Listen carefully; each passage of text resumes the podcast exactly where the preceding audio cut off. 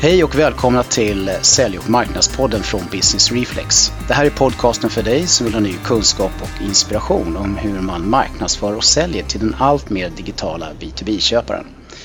Dagens avsnitt kommer vi att genomföra på engelska. Jag hoppas att ni har överseende med det.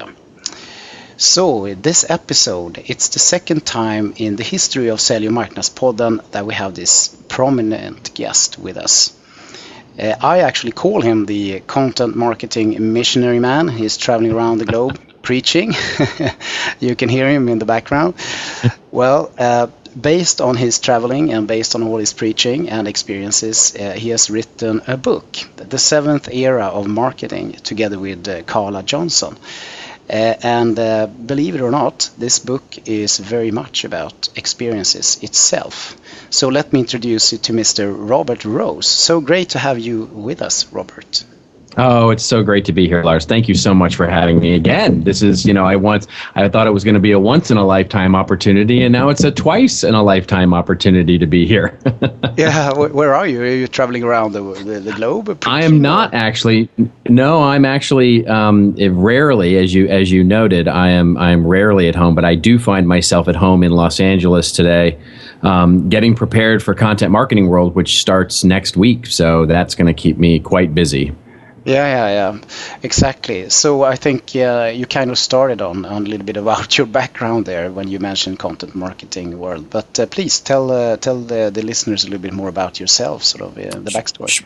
Sure, thank you. Well, I've so I've you know I, I I'm always I always cringe a little when I say this, but I've been in marketing for 25 years, um, and really spent the most of it since really the mid 90s in the digital space, and grew up uh, through the dot com era and really built a lot of websites and did marketing for a lot of large organizations and then moved to the agency side for a good amount of time. I was running strategy for an ad agency for a number of years.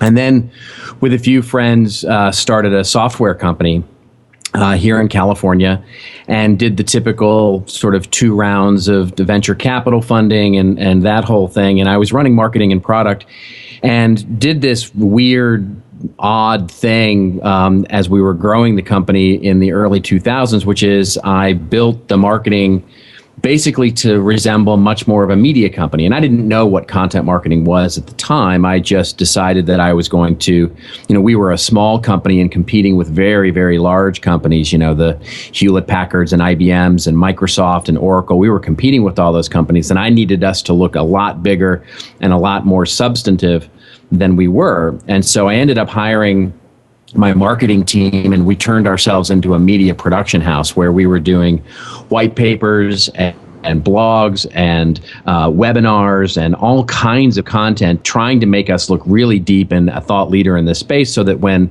our customers would come to us they would see that we were for real. And it worked weirdly enough. And um, and then as i was out i was on a speaking tour actually talking about the success we had um, at that company.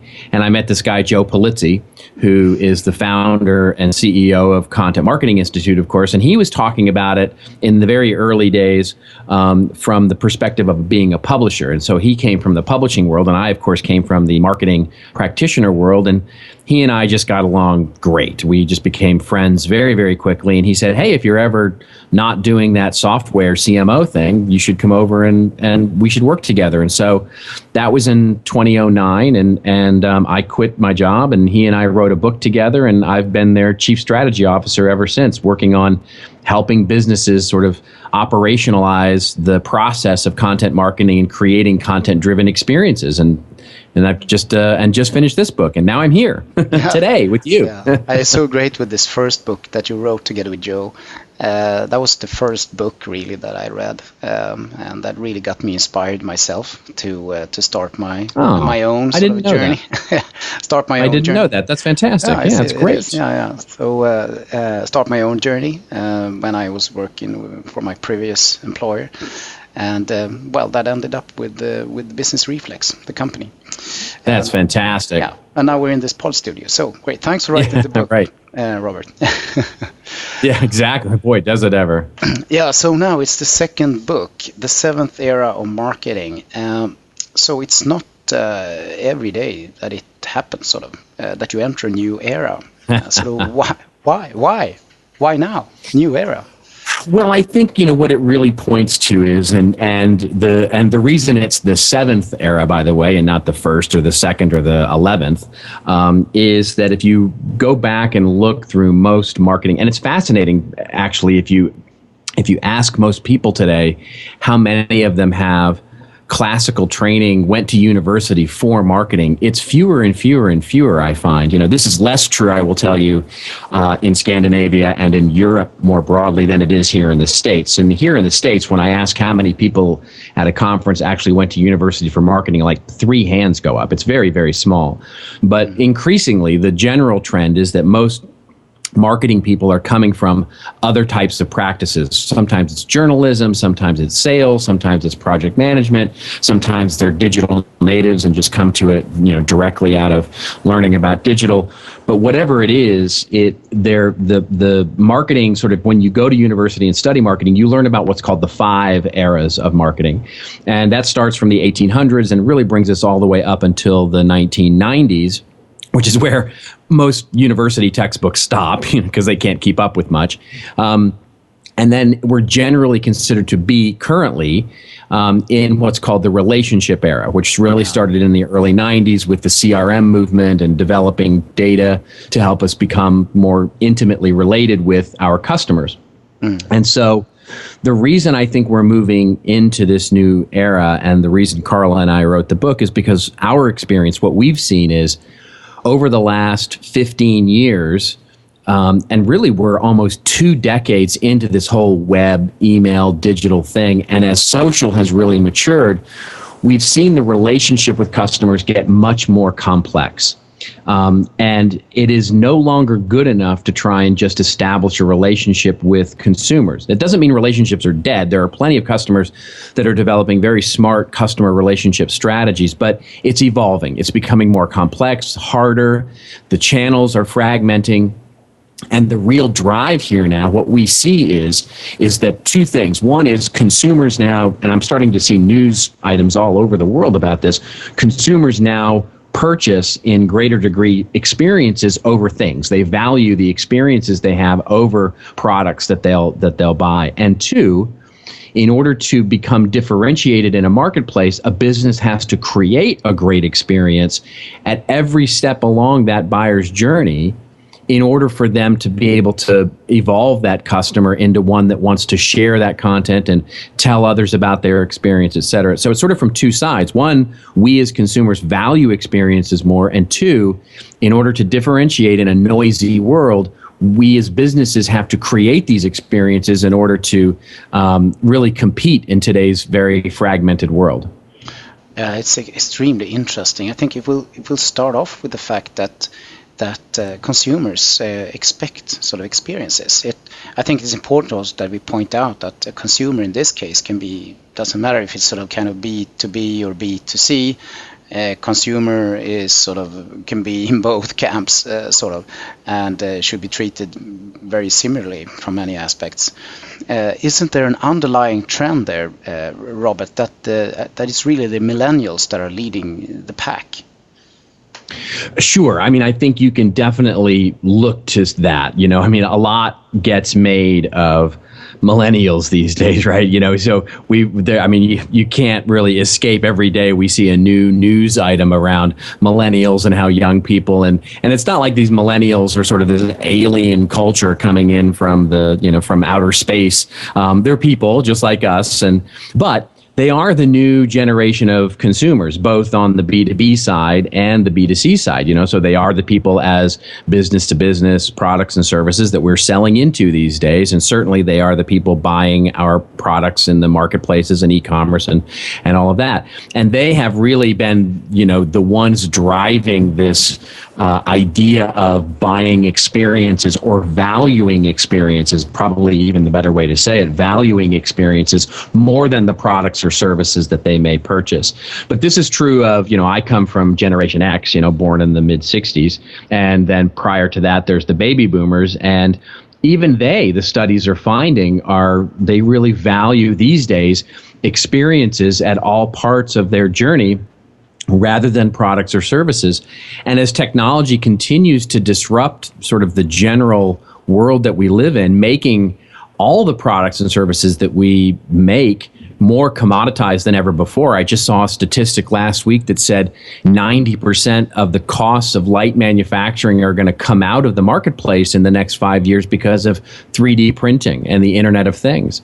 And so today creating a product is easier than ever and getting it distributed is easier than ever. But what's really more difficult than ever is to de- deliver value, deliver experiential value to a consumer at the first time they're interested, then getting them interested enough to buy, and then keeping them loyal and creating those very strategic experiences that really binds them to our brand. Yeah, and it, it's really interesting that it uh, kind of goes both ways. They they want to spend more money and they are more interested in buying experiences compared to products. But when we conduct marketing and we help them through a buyer's journey, it's also critical that it's it's it's completely based on experiences. So it's really both the both worlds, consuming and buying, and being part of sort of what we do as marketeers. Yeah, they expect it. Yeah, they they expect it these days. They expect when they, you know, they don't care if we're not on Twitter, right? You know, if they if they want to talk to to our brand on Twitter, they don't care if we're not there. They expect to be able to tweet us up and say, "Hey, I have a question and I need you to answer it." Or, you know, they don't care about our website. If it's not helpful, they'll go somewhere else. You know, if they're, eh, you know, in, in this store, if it's not, you know, our level of expectation as a consumer about what we expect to be able to do within a particular store or with a particular business has risen dramatically. And so, uh, you know, we've got to, as businesses, we have to be able to meet those expectations with not only experiences that sort of meet the demand, but they have to exceed the, you know, exceed the expectations so that we're creating something that's differentiating. Yeah, exactly, and and um, and truly sort of adds value and, and uh, help them sort of through, right. through a buyer's journey, uh, that kind of starts with a new idea or that they got inspired by something and it ends up with uh, them buying sort of the products and solutions or experiences right. that we actually sell. That's right. So, um, uh, do we have some uh, good examples that we can talk about uh, uh, that will make it easier for the listeners to understand what this could look like in, in reality? Sure. I mean, there's there are many out there, but I'll, I'll so I'll pick two um, that are both on the B2B side. And one of them, both of them are not huge companies either, because I often hear, oh, it, there it's only this is only for big companies. No, these are both mid-sized companies um, that are creating really interesting experiences for two different, very different purposes. So the first one is this company called Indium uh, Corporation, which is a soldering company. Um, very, you know, very, very, very B2B, right? You know, they sell mm. solder and of course, and I didn't know this before, but solder comes in very many different types and flavors and all that sort of thing. And so, what they've done is they've created a whole network of blogs, not just blog posts, but individual blogs, 24 different individual blogs by the individual engineers with each different flavor or type of solder. And so if you're looking for a particular type of solder and you're looking for thought leadership and or the experience that you know was going to teach me what's the best you know solder for my particular job you can go into this network of blogs and learn directly from these engineers who are writing the blog post themselves and that's a really interesting thing because it's not just one big corporate blog where you got to go find all this stuff you go into this network it's like going into a giant network of mm-hmm. content and really it's a journey where you can explore all sorts of different things but it's not done by you know different writers and freelancers and all this kind of stuff. It's the engineers themselves that are writing this stuff and it's really really good high quality technical content that really delivers. And they're now the big you know one of the biggest media players in their space right? Even bigger than the magazines and stuff. They've now created such a great experience for learning about solder that they actually you know they vie for any of the other media properties that are out there. And they've they've increased their lead 700% using this thing. And it's now translated into seven different languages. And it's it's just a really great experience for their sort of yeah. more worldwide approach to drawing in leads into their products and services. Um, the other one that I would yeah, go ahead. Yeah, it's great that you mentioned them actually because I, I, have been looking at them a little bit myself. And and one thing that I, that they're doing uh, that's extremely interesting. They have a lot of these sort of advanced white papers to explain sort of a lot of the, the, this sort of nitty gritty important stuff sort of for their buyers. But then they have uh, quite often they have small short videos with the person yeah. that's actually written the white paper, the sort of the professor behind it, that kind of uh, talks a little bit about it and so get you inspired and so you better understand what it's all about and, and make it worth reading. Um, and then they also have all the uh, employees out there with a lot of information about them and uh, sort of their knowledge and what they're doing uh, at work and uh, all the skills they have and so on. it's a really interesting yeah. approach, completely open. Yeah, it's well, it's and yeah, and the, and the, the, I think the fascinating thing that you that you touched on there is they use the different content types, whether it's a video or a white paper or a blog, to really build something of value. Right? It's not just a YouTube video over here and a white paper over there and a blog post over here. Everything is connected, right? Everything is connected to a bigger idea, which is helping these deliver, you know, delivering value and helping these people understand the, you know, what they need to know about solder.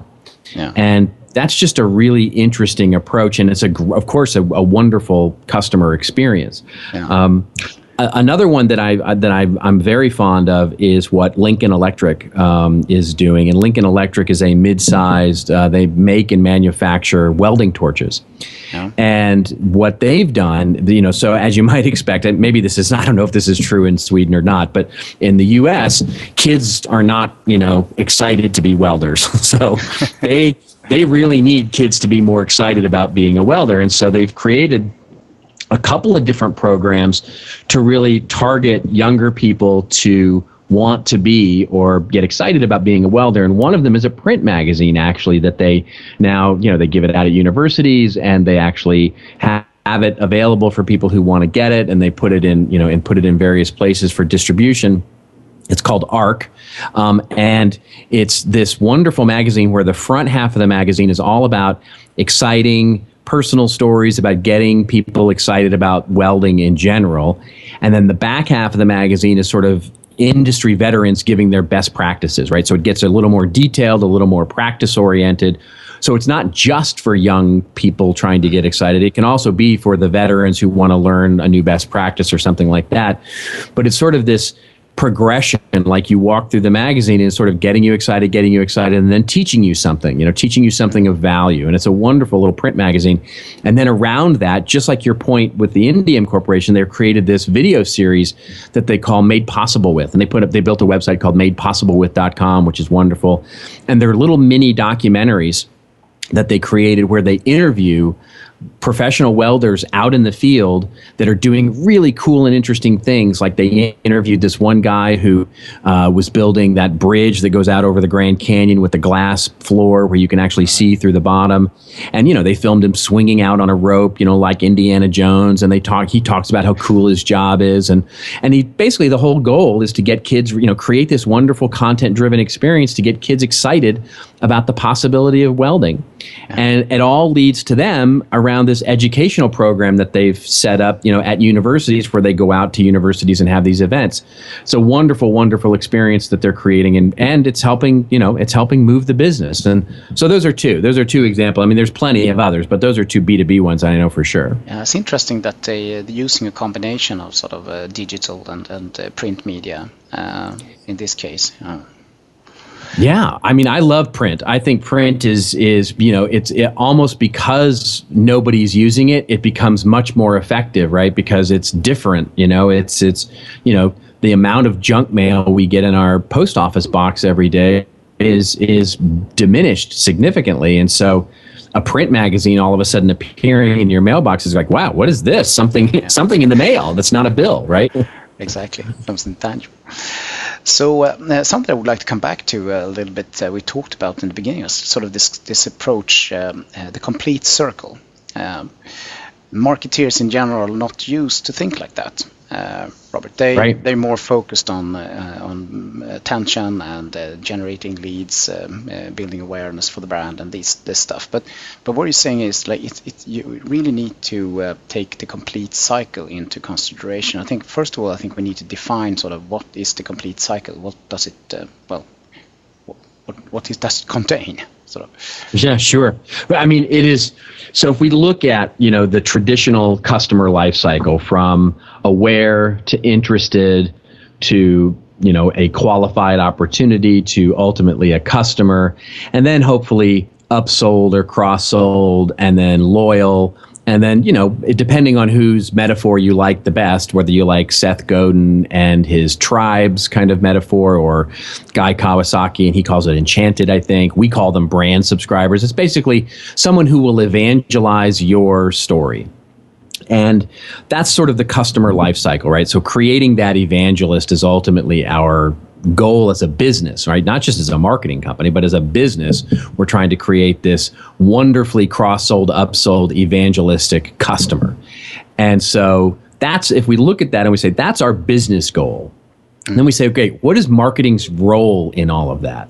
We say, okay, well, that used to be, and this is especially true in B2B, it used to be true that all marketing had to do was get some attention, turn it into a lead and then throw it over the wall to a salesperson. And that's just not good enough anymore.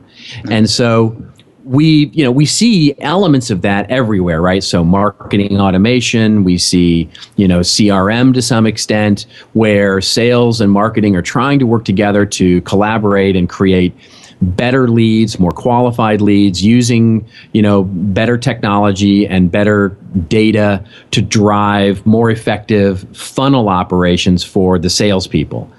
And then sometimes sometimes we actually think about okay well but are they loyal customers? Are they upsold customers? And are they you know, evangelistic? That's no in today's world you can't stop there. You can't stop at the top of the funnel. You just can't you have to take the whole cycle uh, because here's why.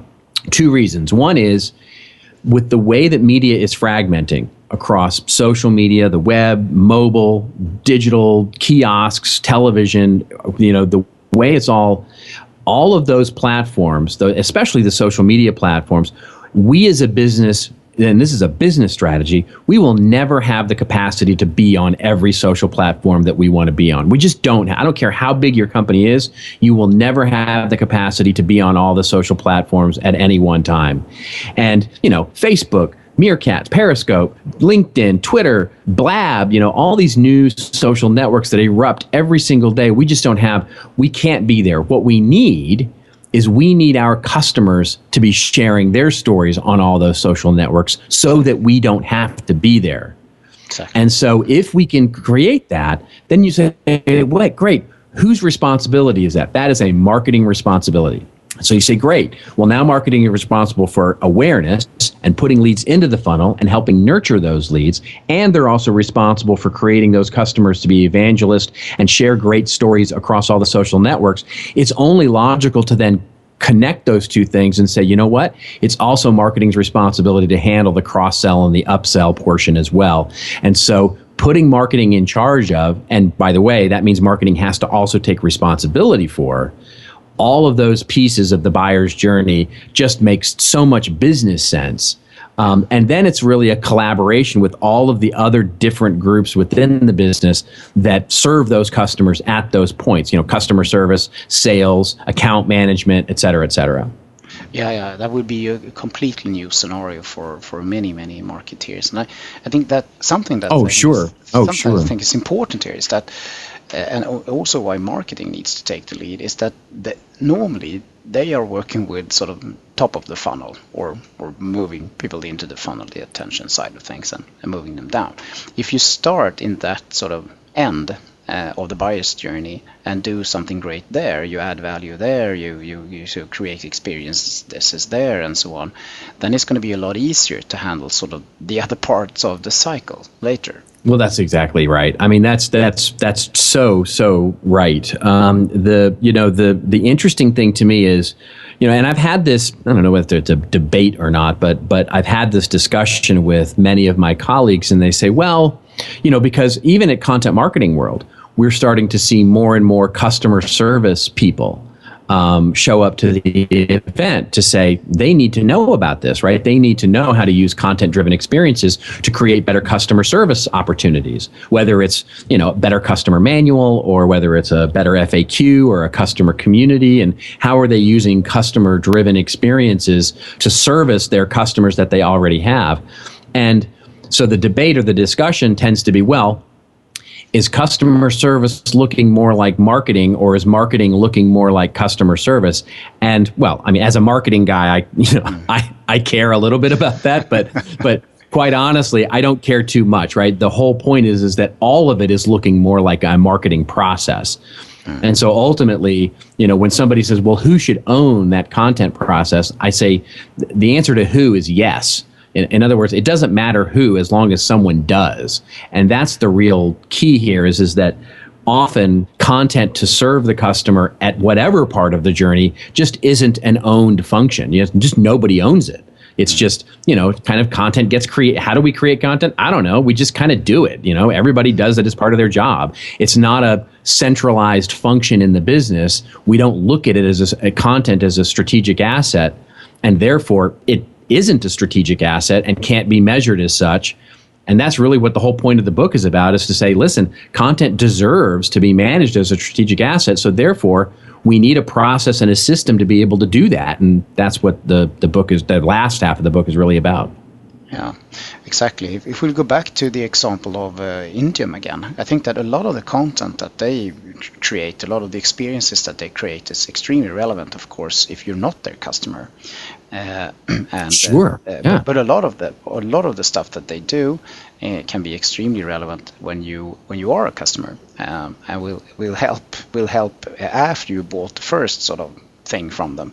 Um, and uh, uh, can help help customers to to buy sort of the second and the third and and uh, find new solutions rather problems and things that they have or challenges that they would like to to see new solutions for sort of um, so content you use for bringing people into the funnel and helping them to become your customer to begin with can be extremely useful sort of uh, sort of later on as well. Well that is i mean that is such an important point. I mean and so it, it, it bears really focusing on because this is where it really transforms into a business strategy this idea of experiences because what we're talking about here is so, using Indium as an example. So, Indium, through their network of blogs, has been able to create an audience, and I don't know how big their audience is, but uh, but you know, it's thousands, tens of thousands of people. And if you think about that in any B2B organization situation, you've got, you know, you create a blog or a resource center or something, and you can create that valuable experience and you can create a subscribed audience. Now, a certain percentage of those people will at some point, and it's probably a very small percentage, let's be honest, it's a small percentage of those people will ultimately convert into leads and opportunities and ultimately customers because they'll value it so much that they'll say, wow, I really have this need and I'm going to buy from Indium today. And so at any one particular point in time, 10%, 5%, 4%, whatever the low number of percentage of people are, and we'll continually work to make that percentage higher, but it's still a small percentage, will purchase, will enter our sales funnel. That doesn't mean, and this is what why your point is so excellent, that doesn't mean the other 90% or 86% or 93%, whatever that number is, aren't valuable to the business. That audience gives us so much other value we can look at things like okay, great, we have this wonderful blog network. Let's test our ad buys. Let's test our media buys and see which me- message resonates the best. Let's see which one gives us the highest number of subscribers that are in our target market.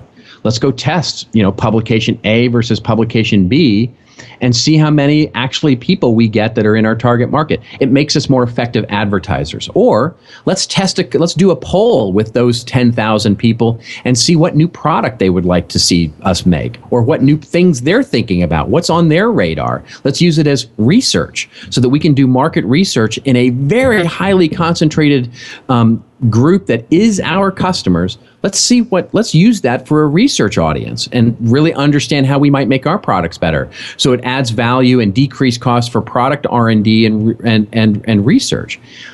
Finding multiple lines of value that an audience, a subscribed audience, can give us, given a unique content driven experience, there's so many ways that we can derive value out of it that are in addition to more leads or better leads or more traffic, et cetera, et cetera.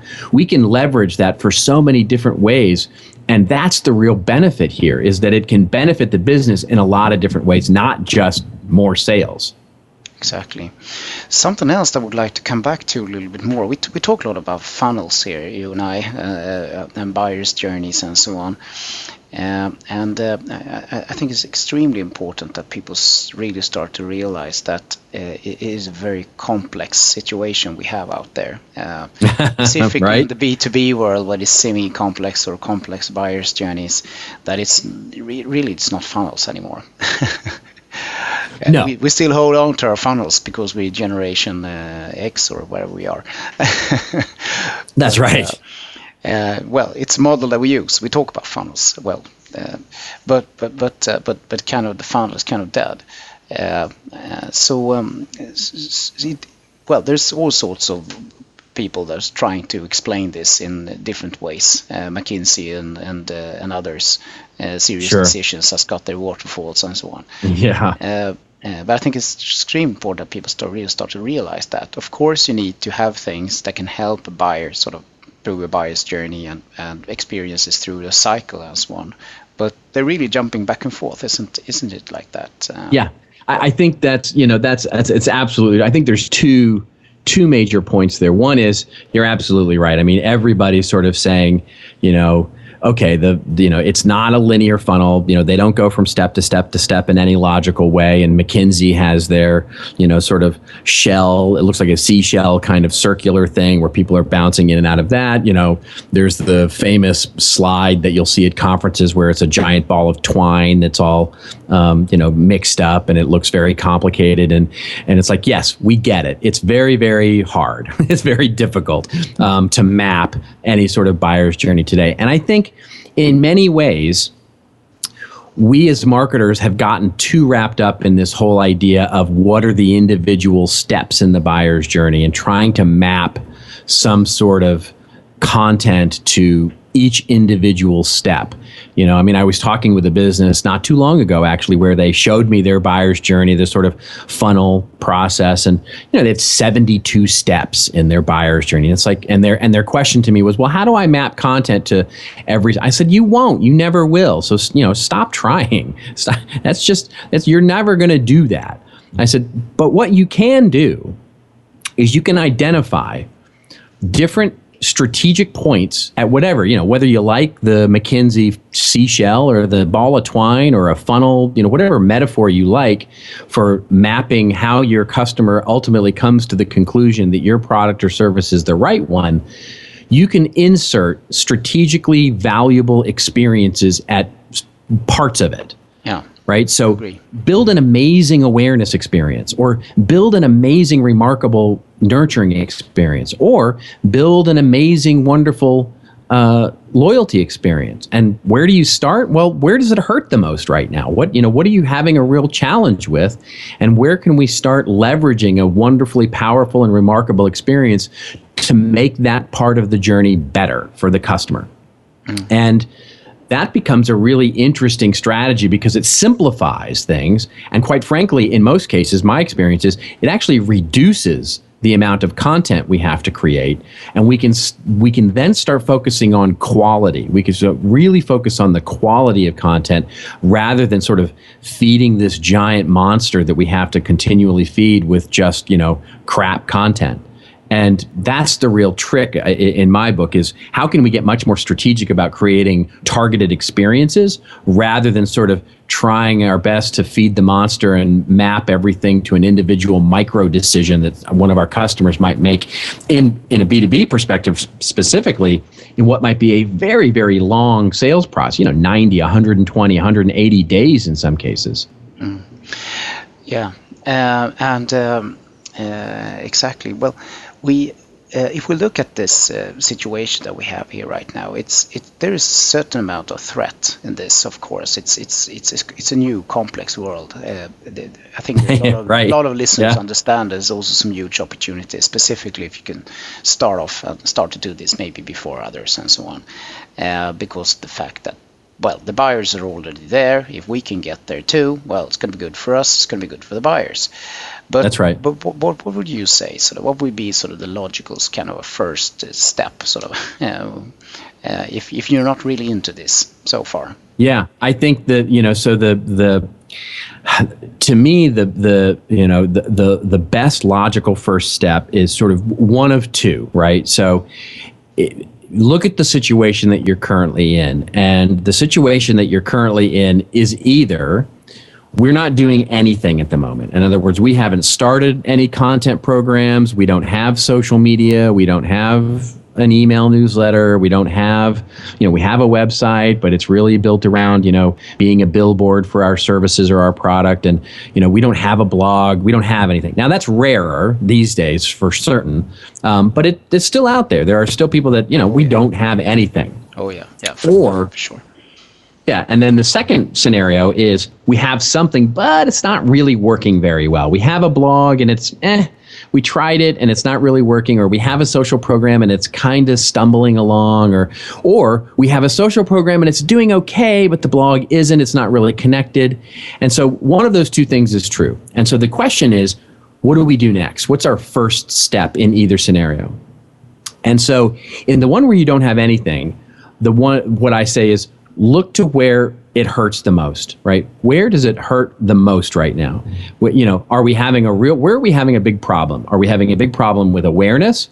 Maybe we should build an awareness experience. Or are we having a real problem once we get leads into the sales guy's hands and they're, you know, they're falling out of the sales process? And what's, you know, where's does that hurt the most? Or do we have a churn problem? Do we you know we, we have no problem getting awareness we have no problem getting customers but we're having a problem keeping them because they're not they don't like our product or whatever and we're not keeping them very where does it hurt the most? Because one of two things. One if you focus on where it hurts the most that's where you have the least amount to lose if you fail right? If you do something and you don't and you're not successful with it well you haven't broken anything Mm. And and secondly, it's the biggest opportunity for improvement. You have the biggest and so if you go and build something there, build a great experience at that part of the journey and you're semi successful, either in decreasing the cost or increasing revenue one of the one of the two well then take that savings and then apply it to the next and apply it to the next this isn't you don't have to solve for everything this is a process mm. and it's a it's one where you do it in small iterative steps. And if you do have something, if you do have something already, well, let's first, the first step is to look at it and say, is it worth saving? Are we, you know, should we completely just reboot and go back to square one and actually look to where it hurts the most?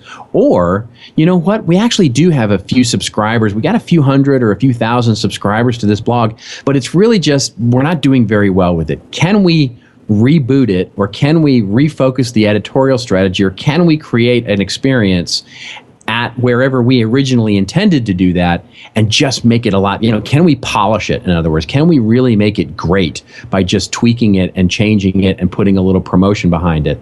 If the answer to that is yes by all means do that first and and and get an early win where you're fixing something that is just a little bit broken. If it's completely broken you may want to just go you know what? We're going to dismantle it and start over. Yeah. Yeah, yeah it's interesting. I think that um, my experience is that uh, uh, very often you can you can better understand exactly what to do if you really dig deep into the buyers and start to really understand. Oh, that's such a great point. Yeah, uh, it's such a great. And very often they can also tell you where you where it hurts the most. yeah, that's that's problem. exactly right. That's exactly right. So, um, so Robert, time flies uh, when you're uh, having fun. Two guys that loves to talk, uh, and so it's so great to have you uh, in oh, thank you so podden. But um, so, where can people find you? You're an extremely digital guy, but um, can you point them in in some some good directions? I, I hopefully can. I if you uh, if you want to know more about the book, um, seventh era of marketing.com. That's either 7th marketing uh, era of marketing.com or seventh, the word spelled out. So we were smart that way to get both domains. um, so seventh era of marketing.com. You can download three free chapters of the book, no registration or anything like that. You just go and download it and hopefully you like it. Um, and of course, you can buy the book there too. Um, and if you want to know more about me for whatever reason, I'm robertrose.net on the web yeah, I can give you a really great uh, recommendation as a listener. Follow uh, Robert on LinkedIn. He uh, he's uh, always delivering great long posts on LinkedIn. Thank you for, sure. that. Thank you. Very much worthwhile reading uh, for us that loves marketing and wants to understand better understand the seventh era. So thanks for that, Robert. Of course, uh, the, the, in our blog post that we publish with the this episode, uh, you can find more information about uh, the, the, links to the book and, and so on. So thanks for having you. Uh, it's been a great pleasure, uh, and uh, take care, Robert. Thank you very much, Lars, and you too. Thanks, thanks, and to all your listeners, whatever you do out there, make sure to be relevant. Thanks. Bye.